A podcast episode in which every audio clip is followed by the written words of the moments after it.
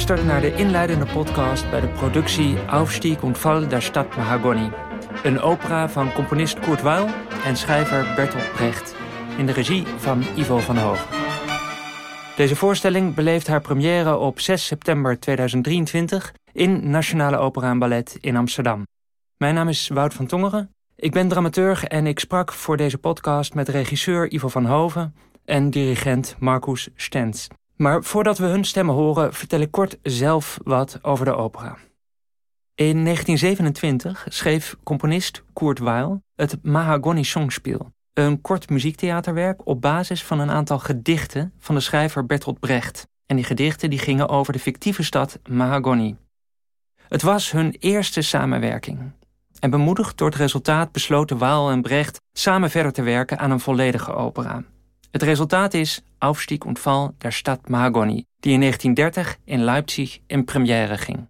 In hun opera verwerkten de jonge linkse dertigers Weil en Brecht niet alleen hun kritiek op de kapitalistische maatschappij, ze leverden ook met het stuk een scherpe kritiek op het ouderwetse burgerlijke operabedrijf.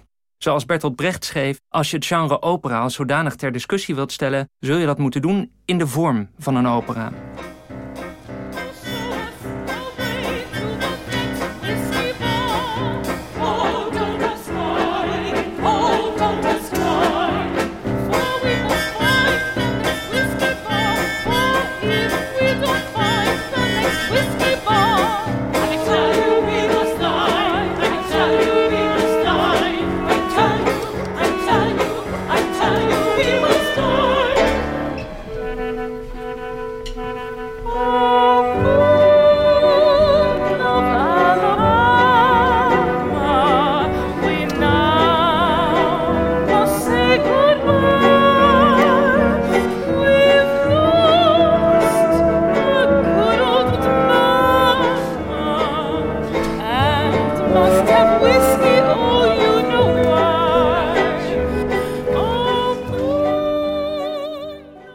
Zoals de titel al zegt, vertelt deze opera het verhaal van de opkomst en ondergang van de stad Mahagoni. Het verhaal begint als drie mensen op de vlucht voor de politie stranden in een niemandsland. Door daar een stad te stichten, waar goudzoekers, houthakkers en andere arbeiders rust en vermaak kunnen vinden, hopen de drie voortvluchtigen voor zichzelf een veilige plek te creëren, waar ze bovendien goed geld kunnen verdienen. Het verhaal concentreert zich vervolgens op de houthakker Jimmy, die met drie vrienden in de stad arriveert. Hij krijgt een relatie met Jenny, een van de prostituees die eveneens naar de stad toe zijn getrokken. Maar al snel begint het rustige leven in Mahagoni Jimmy de keel uit te hangen. Juist op dat moment komt het bericht dat een verwoestende orkaan Mahagoni nadert. Jimmy grijpt die dreiging aan om de gezapige stad op te schudden. Hij roept iedereen op om zich niet meer aan de regels te houden, maar te leven volgens slechts één principe: alles mag. De orkaan trekt in een boog om Mahagoni heen maar Jimmy's oproep wordt gevolgd. Mahagoni wordt een bandeloze stad waar iedereen zijn driften kan volgen. Jimmy vermaakt zich volop totdat zijn geld op is. Vanaf dat moment keert de stad zich tegen hem. Jimmy wordt ter dood gebracht. Zijn dood luidt ook het einde van de stad in, die in een chaos van protesten voor en tegen van alles en nog wat ten onder gaat.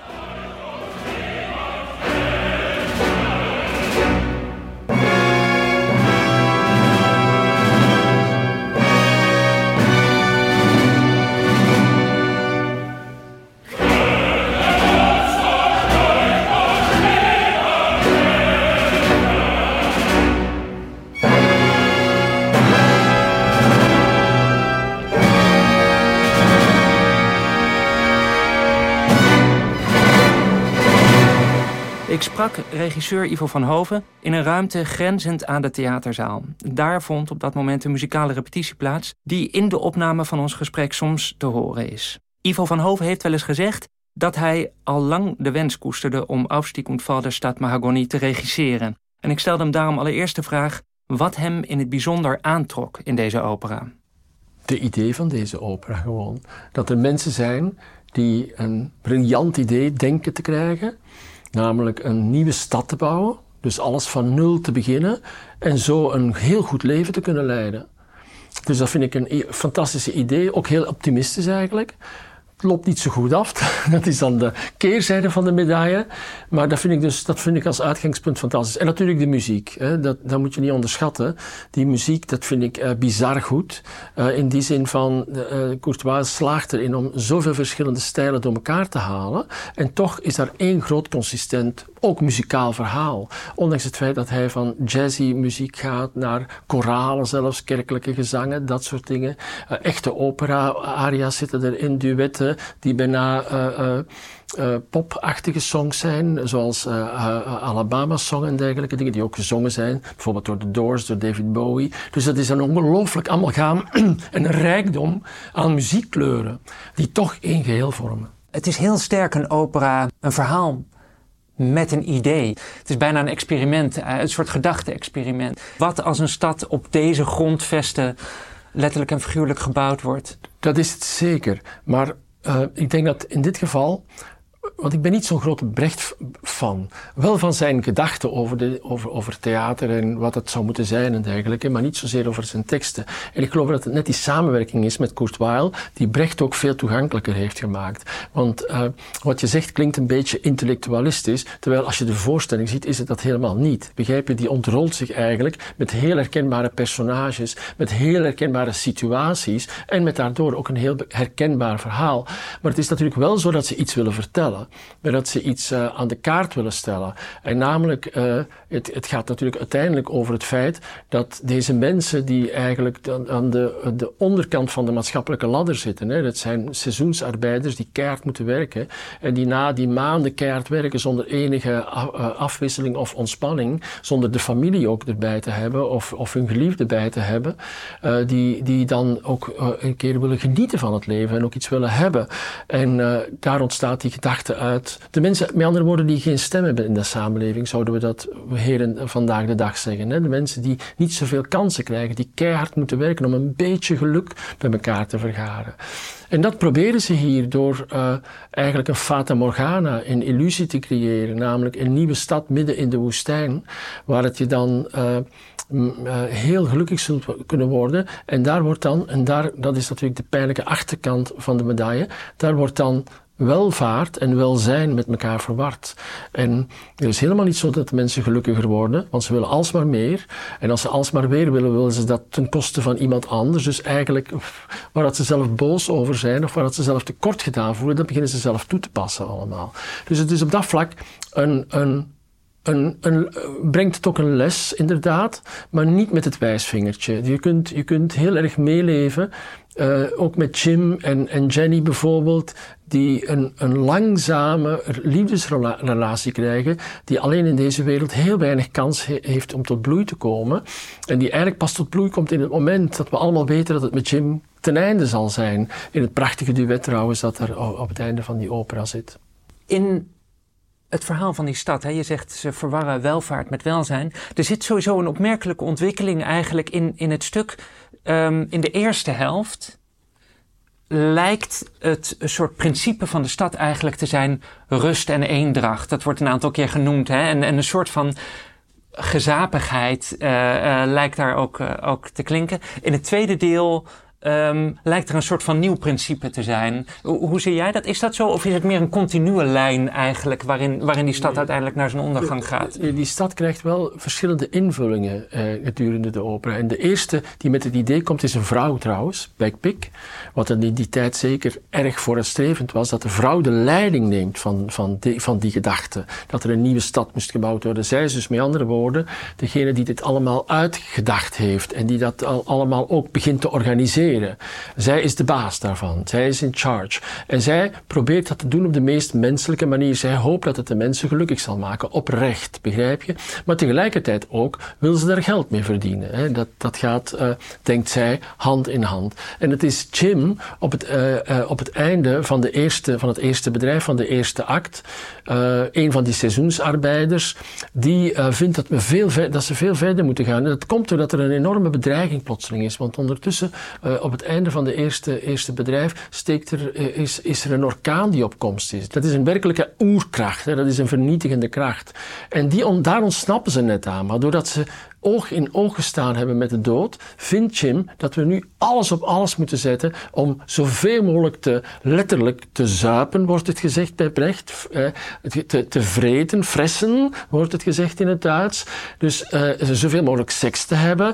Allemaal, alles zoveel mogelijk en zo snel mogelijk. Begrijp je? Dus met andere woorden, dat mooie idee van Beckbeck, dat wordt eigenlijk uh, ja, rauw overleven, zou je kunnen zeggen. En ten koste van wie dan ook. Dus die ontsporing zit er eigenlijk in het tweede deel in. Maar dat is onder leiding van Dan eigenlijk. En niet zozeer van Beckbeck.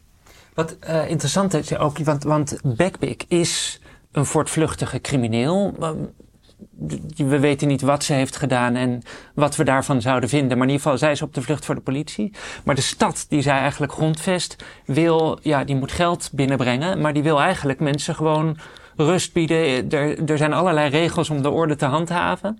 En het is een van de inwoners inderdaad die meer de, de ruige, um, uh, ja, een soort ruige um, walhalla daarvan wil maken of zo. Waarin alles moet kunnen en waarin bandeloosheid zegeviert.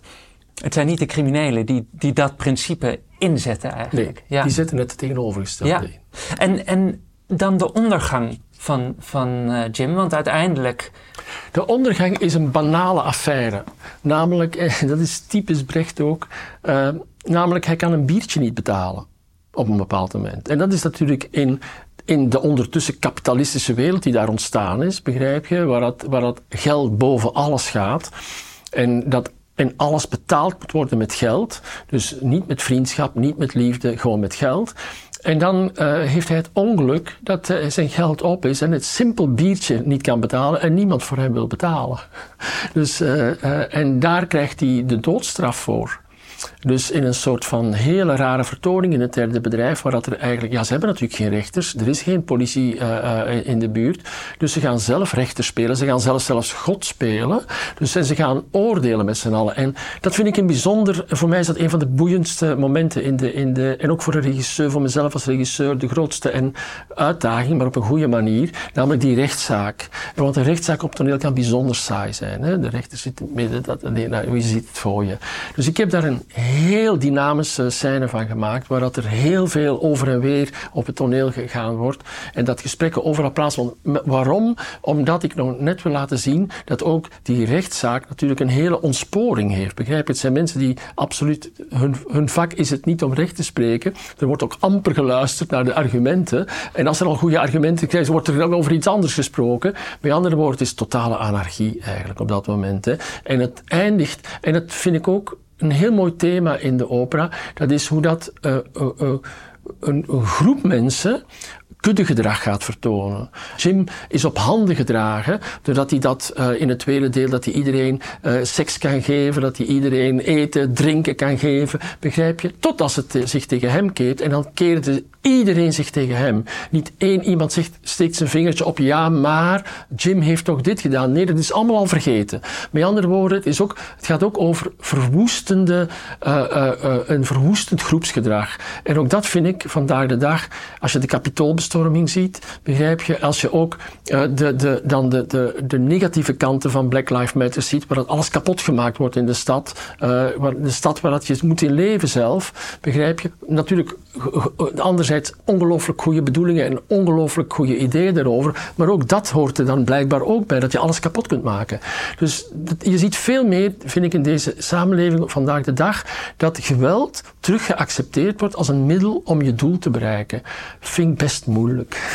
dat vind ik best moeilijk. En dat werd toen al door Brecht en door Courtois eigenlijk ook al aangekaart avant la lettre. Ja, ja, ook in een tijd misschien waar dat ook heel sterk ja, jaren, uh, speelde jaren 30 was het. Knokploegen ja. die, uh, die uh, ja, die voor, zelfs de uitvoeringen ja. van dit stuk bijvoorbeeld ja. verstoorden. In het slot, um, wat je beschrijft nu inderdaad, is heel sterk zo. De hele massa keert zich eigenlijk van Jim af. Ook zijn vrienden springen niet voor hem bij. Wat mij opviel in jouw regie, is dat je hem toch, um, zeker de figuur van Jenny, zijn geliefde, zij, zij lijkt uh, ook op het laatst in een soort van uiteindelijke opstand tegen alles en iedereen die komt, lijkt zij ook een belangrijke rol te spelen, ziende wat er is gebeurd met. Zij is de enige die de verwoestende storm tegenover Jim probeert tegen te houden. Zij, zij, is de enige die dat probeert te doen. Maar, en die de mensen letterlijk, in mijn assenering dan, de mensen letterlijk individueel in de ogen kijkt van, weet je wel wat je aan het doen bent? Dat is, voor mij was dat heel belangrijk. En het is natuurlijk ook Jenny, vlak voordat die verwoestende storm, menselijke storm dan optreedt, dan uh, heeft zij het prachtige duet uh, uh, met, met, met Jim, waar dat ze spreken over twee vogels. Dat ze als twee vogels zijn die elkaar even ontmoeten. En ook op het ik ze dan ook heel even ontmoeten. En in de eerste ontmoeting is het einde er al. Dus het is hoopvol. Er is iemand die zich wel bekommert om. Maar het is ook niet hoopvol, omdat het heeft geen enkele kracht meer. Het, het, het, het, het kan nooit lukken. Ja, ja. Het mag nou ja, het, het, heeft geen kracht in de zin, het, het verandert de loop van de geschiedenis niet. En dus de loop van de geschiedenis wordt spijtig genoeg bepaald door geweld, door vernietiging. En toch, want je zegt inderdaad, het heeft geen effect. Um, waarom voeg je toe? Waarom interpreteer je het zo dat je juist, juist wel die daadwerkelijke geraaktheid van Jenny wil, wil, wil tonen? Oh ja, omdat dat, dat, dat, is, dat duet maakt dat zo duidelijk. Dat duet is van een zachtheid. Eh, het is helemaal geen seksueel getint duet. Uh, het is echte liefde. Het is echt elkaar vinden in een en dat is onduidbaar altijd. Ik bedoel, dat probeer ik ook niet. Ik bedoel, dat probeer ik wel te anseneren, maar ik bedoel, ja, daar kun je niet duiden, want dat is voor iedereen anders. Maar er zijn geen belangen meer die spelen. Dat is echte liefde. Hè. Er, is, er is een samen zijn waar dat je je goed in voelt. En in dit geval zijn ze zich beiden bewust dat dat samen zijn gebeurt op de dag van de executie, bij wijze. Niet alleen bij wijze van spreken, maar op de dag van de executie. Er is niks meer tegen bestand. Het zijn eigenlijk, ze hebben twee duetten, hè? En die beide duetten zijn, uh, ik vind dat eerste duet ook zo. Uh... Ja, maar ze doen het daar, ja, dat is juist die twee duetten zitten. De ene zit in het begin, de andere zit op het einde. En daartussenin komen ze helemaal niet zo samen. Begrijp je dus, wat mooi is, dit, is dat zij durven, en dat doet Brecht heel vaak, uh, iets te positioneren en dan het tegenovergestelde te positioneren, waardoor Brecht wilde nooit, hij beweerde altijd dat hij niet wilde ontroeren, hè? niet een gevoel wilde creëren bij het publiek, maar dat, je, dat, dat hij het publiek wilde laten nadenken. Nu, ik heb er mijn bedenkingen bij persoonlijk, in die zin van dat ik, uh, ik heb ooit een leraar gehad, uh, toen als ik nog op de school zat, dus hè, een leraar gehad op de theaterschool in België, en ik zal er nooit vergeten dat hij zei van, toen hij, hij, heeft nog een voorstelling van Brecht, hij had toen nog een voorstelling van Brecht gezien toen als Brecht nog leefde, met het Berliner Ensemble, weet je wel. Hè, voilà. Dus het echte theater van de vervreemding werd dat genoemd. Hè. Dat, dat was ook de titel daarvan. Uh, en hij zei van, ik heb zelden zo'n ontroerende voorstelling gezien met zoveel gevoelens.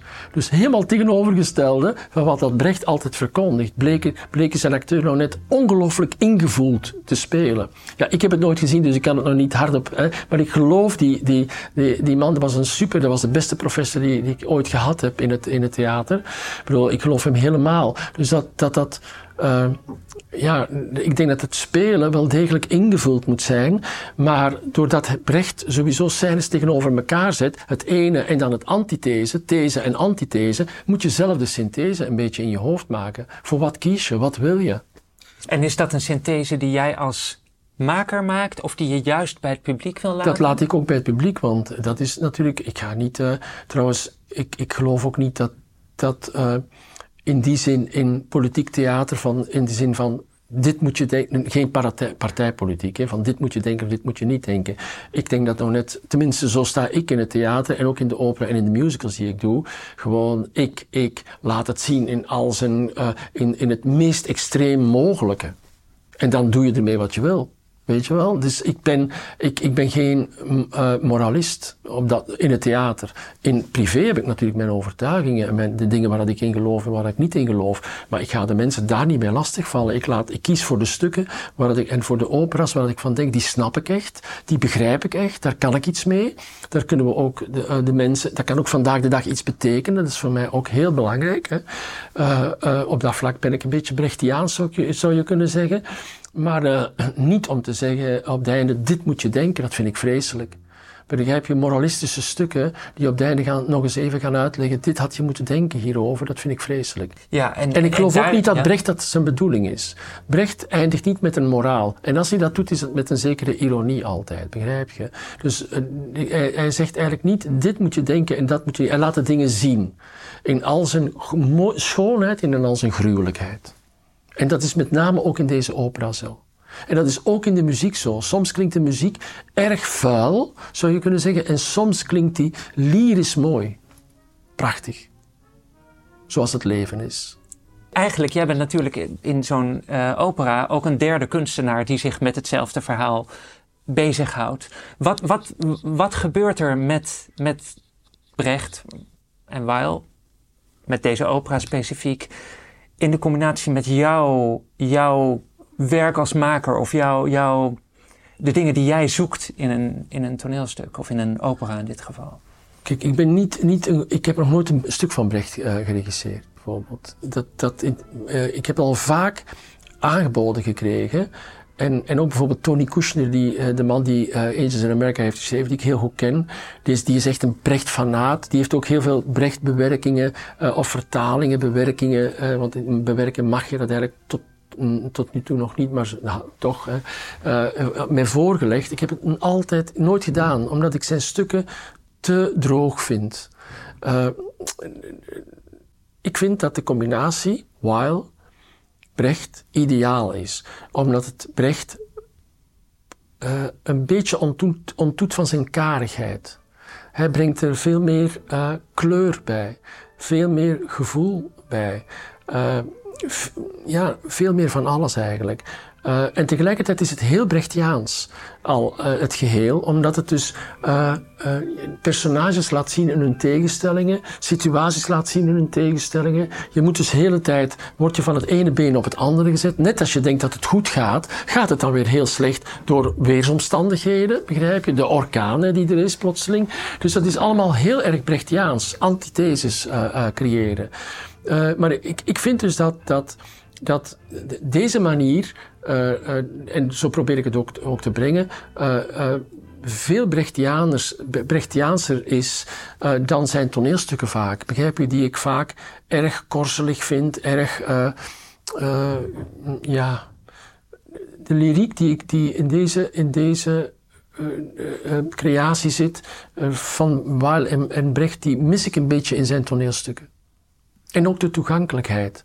Ik beweer dat dit echt een opera is die toegankelijk is voor een heel breed publiek. Omdat muzikaal is het. eh, het is niet easy. Ik bedoel, het is niet eh smeug of zo. En het is zeker geen. eh fijn, Puccini maakt ook mooie muziek, maar het is, eh, is veel eh, meer lavish. En dat is het zeker niet. Er zijn momenten dat het zo is. Begrijp je? Dus, dus je wordt van, ook daar word je van het ene been op het andere gezet. Je denkt, oh mooi. En dan wordt er weer iets heel lelijks ge- gespeeld. Of bewust lelijk gespeeld. Of bewust tegendraads gespeeld. Daar hou ik van. Ik hou daarvan. En, en, en eigenlijk is het heel Brechtiaans in het eindresultaat daardoor. binnen de verhaalwereld is, is er, is er eh, verloopt de ontwikkeling in sprongen. Brecht benoemt dat ook expliciet zo. Ehm, in jouw ansenering, eigenlijk in elke ansenering natuurlijk, je zit in een continuïteit. De voorstelling begint nu en stopt daar. Dus Ja. er is natuurlijk sowieso een continuïteit in de ansenering. Maar het lijkt ook alsof jij in jouw ansenering ook wat meer een, een continue situatie hebt willen maken. Ja, maar, ja, maar ja en nee, moet ik daarop zeggen. In die zin van. eh, kijk, er zijn twee vormen van, van, van dramatische structuren, twee basisvormen. Dat is climactisch drama.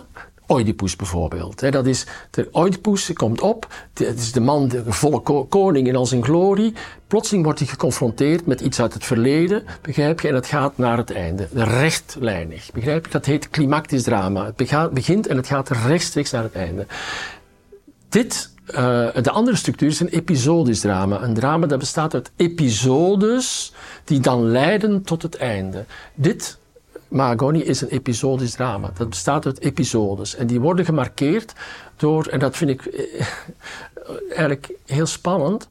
Elke keer geeft Brecht bij het begin van de scène een spoiler. eh, In de filmtermen gezegd. Een spoiler is dat je eigenlijk het einde al gezegd wat er in de scène gaat gebeuren. Dat doet hij elke keer. En dat gebruik ik ook. Dus ik markeer elke scène, maar zonder te stoppen.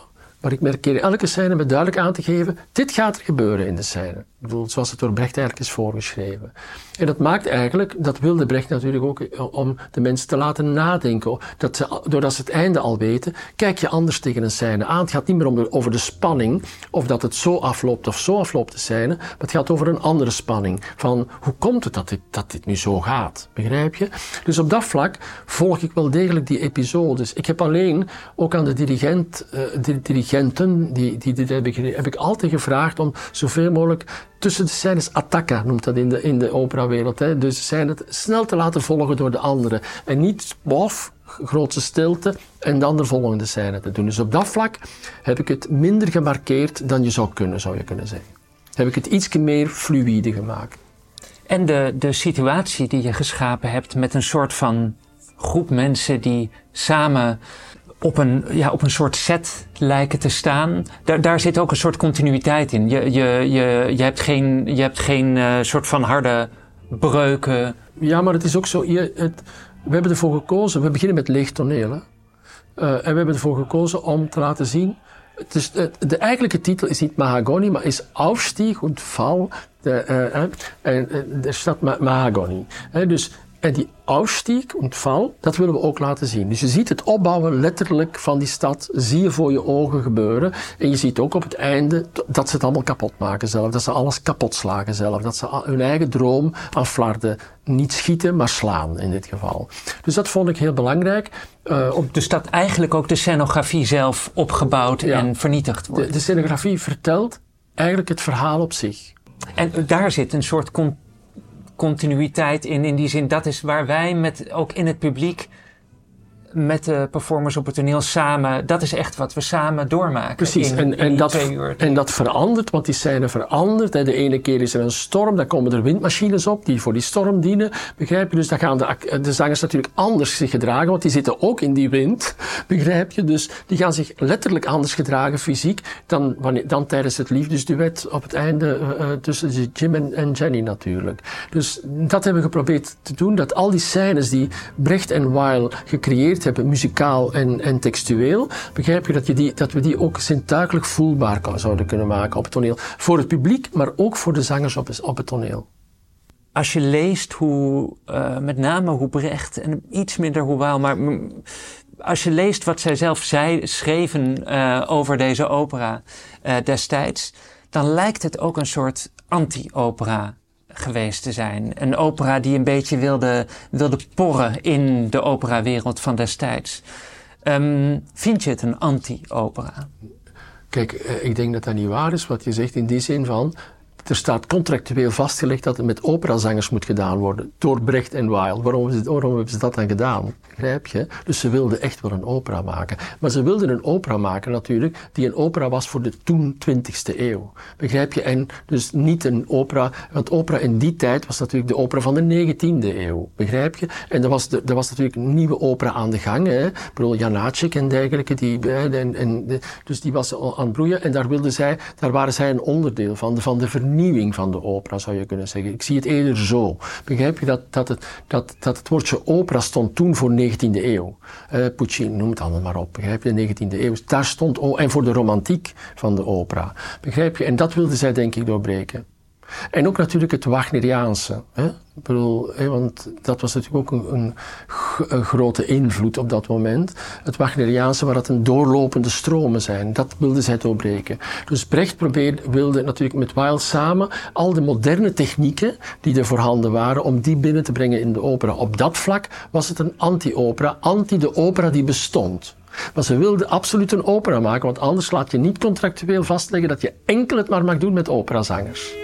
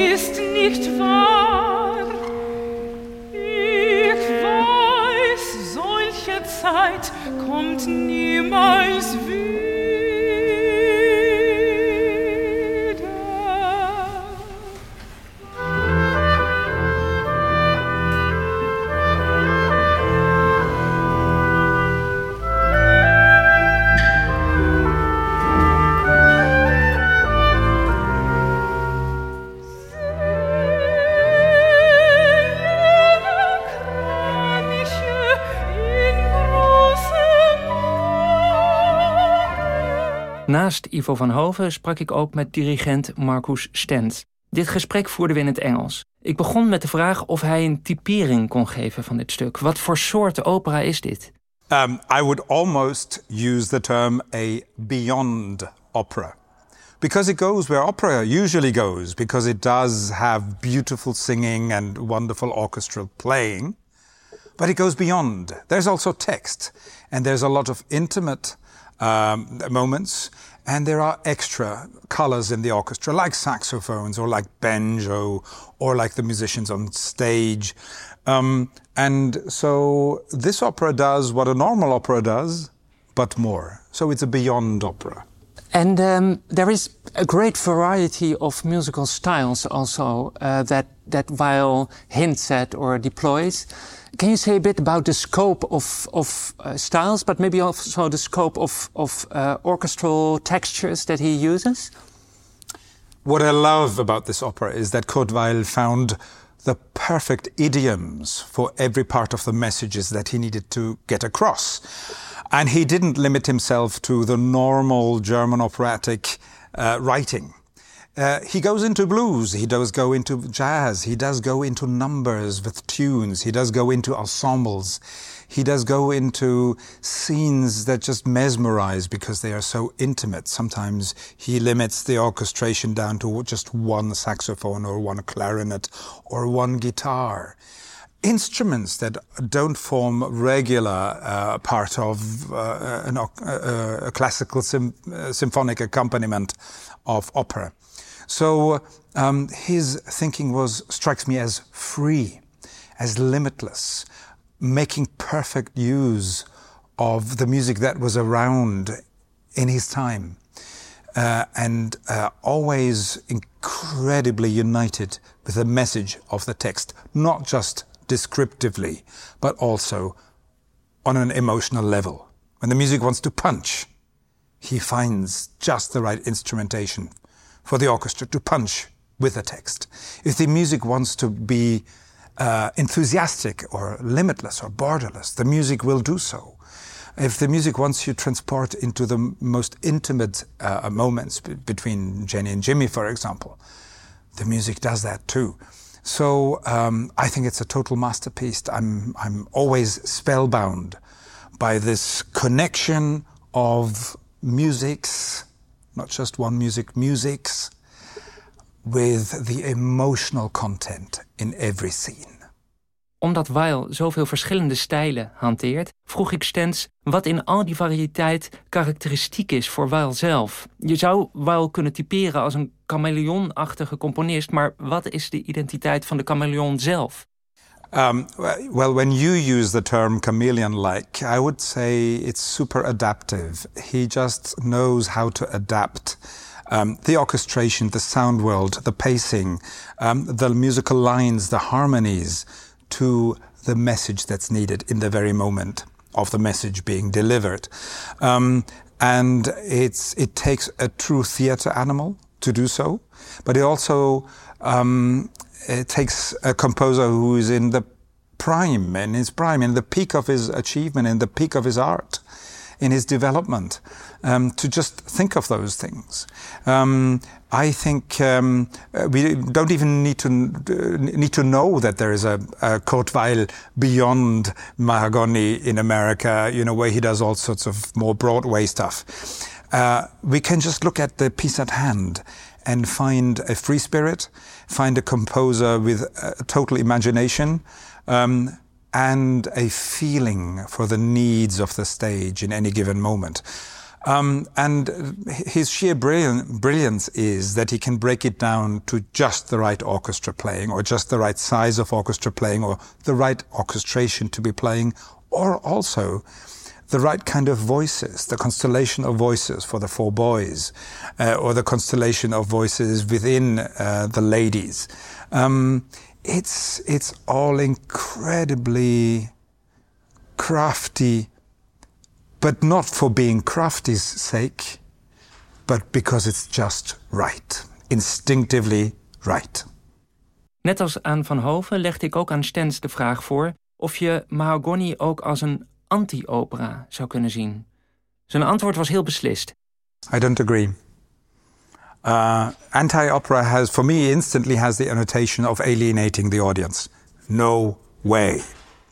It's a piece that lures you in because of the mastery of, for example, quoting different styles. When we, ha- we come to the ex- existential questions in Act 3, the death of Jimmy Mahoney and his last words to Jenny, and the music resembles St. Matthew Passion of Johann Sebastian Bach. And we are talking about, so to, so to speak, the last thoughts.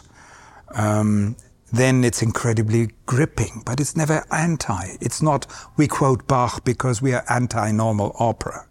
We quote Bach because it's the perfect style for this particular moment. And only a true master can get away with quoting and not quoting simultaneously. The music we hear is pure Weil, but the style, you know, the connotations, the subtext is hit of something of utmost profundity uh, with the help of invoking Bach. So um, I, I, like my word much more, the beyond opera, rather than anti-opera. It's, I don't think it is anti-opera. Tot slot vroeg ik Stens of er nog momenten in de opera zijn waarover hij als dirigent gespannen is of waarover hij zich zorgen maakt. You're now giving me a perfect uh, assist. You know how they say in football, you know, you get an assist and then you can score a goal. No, but your assist here is really what you have just said prompts me to say the quality of singing of the cast, of singing of the chorus, the quality of orchestral playing, the commitment of everybody on stage, the sheer level on which the, this production functions technically is awesome. So rather than saying, look, you know, unsolved corners, ha ha ha, well, how shall this be? I think we have actually um, built a performance and we're, we're catering for a performance um, that is state of the art. And as an artist, I, I can't wait to live this and I can only praise the house.